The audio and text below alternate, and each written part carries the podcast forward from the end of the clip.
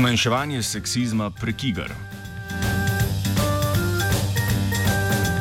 Raziskovalke in raziskovalci iz Združenih držav Amerike so v dveh eksperimentih preverjali, ali lahko prek igre vplivajo na zmanjšanje seksističnih stališč do žensk v naravoslovnih znanostih. Igre so bolj efektivne, ker omogočajo aktivno sodelovanje. Prav tako omogočajo manj ogrožujoč in torej psihološko bolj varen kontekst za intervencije. To je pomembno zaradi defenzivnega odziva ljudi na lastne predsotke. V raziskavi so želeli ozavestiti in zmanjšati predsotke ter se izogniti defenzivnosti.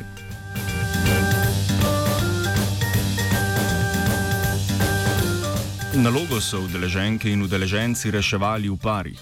V 35 minutah so morali rešiti primer skrivnostnega izginotja vzorca nevarne bolezni iz laboratorija. Dobili so zemljevid stavbe, dnevnike prihodov in odhodov ter zapiske policistov. V kontrolni verziji so primer rešili tako, da so ugotovili, da je eden izmed likov profesor in da je vzorec skril v stranišče za zaposlene.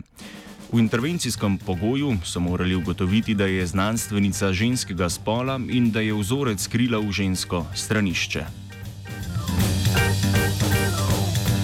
V prvem eksperimentu je sodelovalo 146 študentk in študentov, ki so nalogo reševali v parih. Slaba četrtina je sama uspešno rešila nalogo. Vsem so po pretečenem času razložili, kako bi lahko prišli do rešitve in s tem v njih zbudili aha moment. Po razlagi so rešili še vprašalnike o ambivalentnem seksizmu in stališčih do žensk v znanosti ter razdelili 500 dolarjev med 14 organizacij, od katerih sta dve podpirali ženske v znanosti.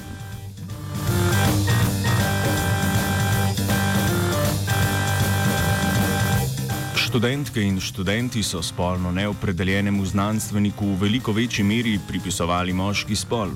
V nasprotju s hipotezo intervencijski pogoj ni zvišal pozitivnih prepričanj o ženskah v znanosti, znižal seksističnih predsotkov ali povišal donacijo organizacijam za ženske v znanosti. V drugem eksperimentu je sodelovalo 274 dijakin in dijakov, ki so se razdelili v skupine od 4 do 7 igralcev. Igra je bila skrajšana in bolje razložena, čas trajanja pa so podaljšali na 3 četrt ure. Prav tako so vsem razložili rešitev in jim dali reševanje dva vprašalnika ter nalogo razdeljevanja denarja.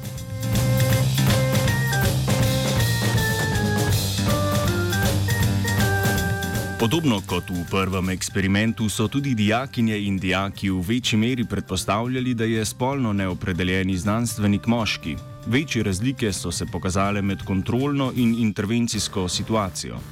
V intervencijski situaciji so v večji meri prepoznali žensko znanstvenico kot v kontrolni. V nasprotni s pričakovanji so udeleženke in udeleženci intervencijske situacije dosegli niže rezultate na lestvicah pozitivnih stališč do žensk, v znanosti in više na lestvici seksizma. Igra je torej imela negativen vpliv na eksplicitna prepričanja o ženskah v znanosti.